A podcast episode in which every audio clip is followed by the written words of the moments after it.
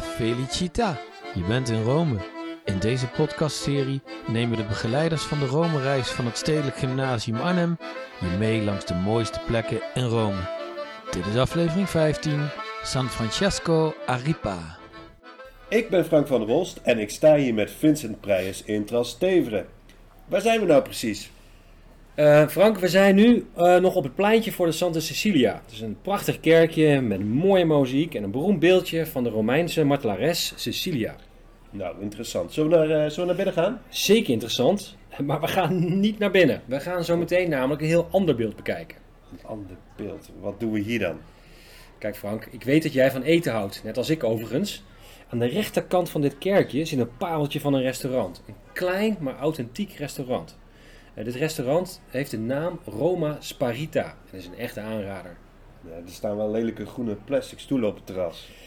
Ja, maar dat zegt natuurlijk niets over de kwaliteit van het eten. Het bekendste gerecht is overigens cacio e pepe. Verse pasta met kaas en vers gemalen peper, geserveerd in een bakje van parmezaanse kaas. Frank, je mond staat open. Nee joh, maar oh, dat klinkt goed. Maar eh, dat andere beeld. Ja, dus een klein stukje lopen, dat is die kant op. Ga je mee? Ja, ik kan wel blijven staan, maar dat schiet natuurlijk niet op. Uh, goed punt. Oké, okay. uh, we lopen nu via de Via di San Michele. Aan het einde gaan we naar rechts en daarna uh, nemen we de allereerste links.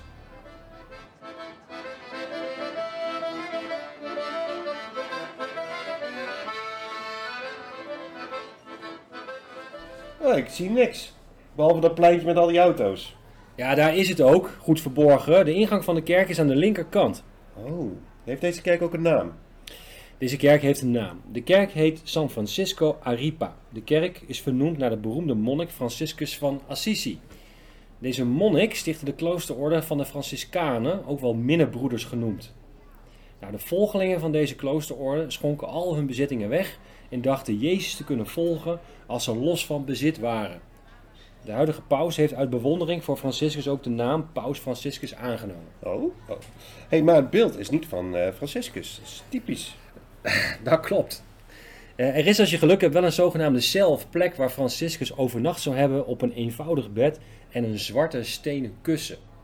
Als je een medewerker van uh, de kerk het aardig vraagt, dan laten ze je soms die ruimte zien. Ja, interessant, maar gaan we vast en zeker nu ook niet bekijken. Precies, we komen voor iets anders. Hou niet langer in spanning, wat is het? Uh, we komen misschien wel voor het mooiste en ook wel een beetje onbekende beeld van heel Rome. Nu overdrijf je. Ja, misschien. Maar, maar kom, we gaan, we gaan naar binnen. Uh, kijk, hier aan de linkerkant moeten we zijn. Kijk daar. En? Heb ik te veel gezegd? Wauw. Ja, ik bedoel, is het wel iets voor een kerk? Het ziet er bijna, ja, hoe moet ik het zeggen, spannend uit.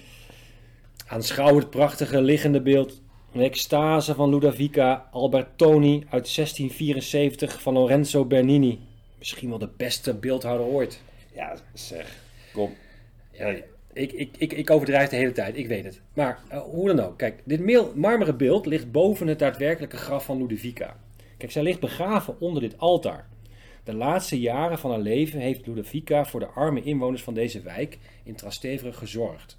Toen ze doodziek de communie kreeg, dat is weet je wel zo'n hostie die je dan uh, mm -hmm. op je tong legt.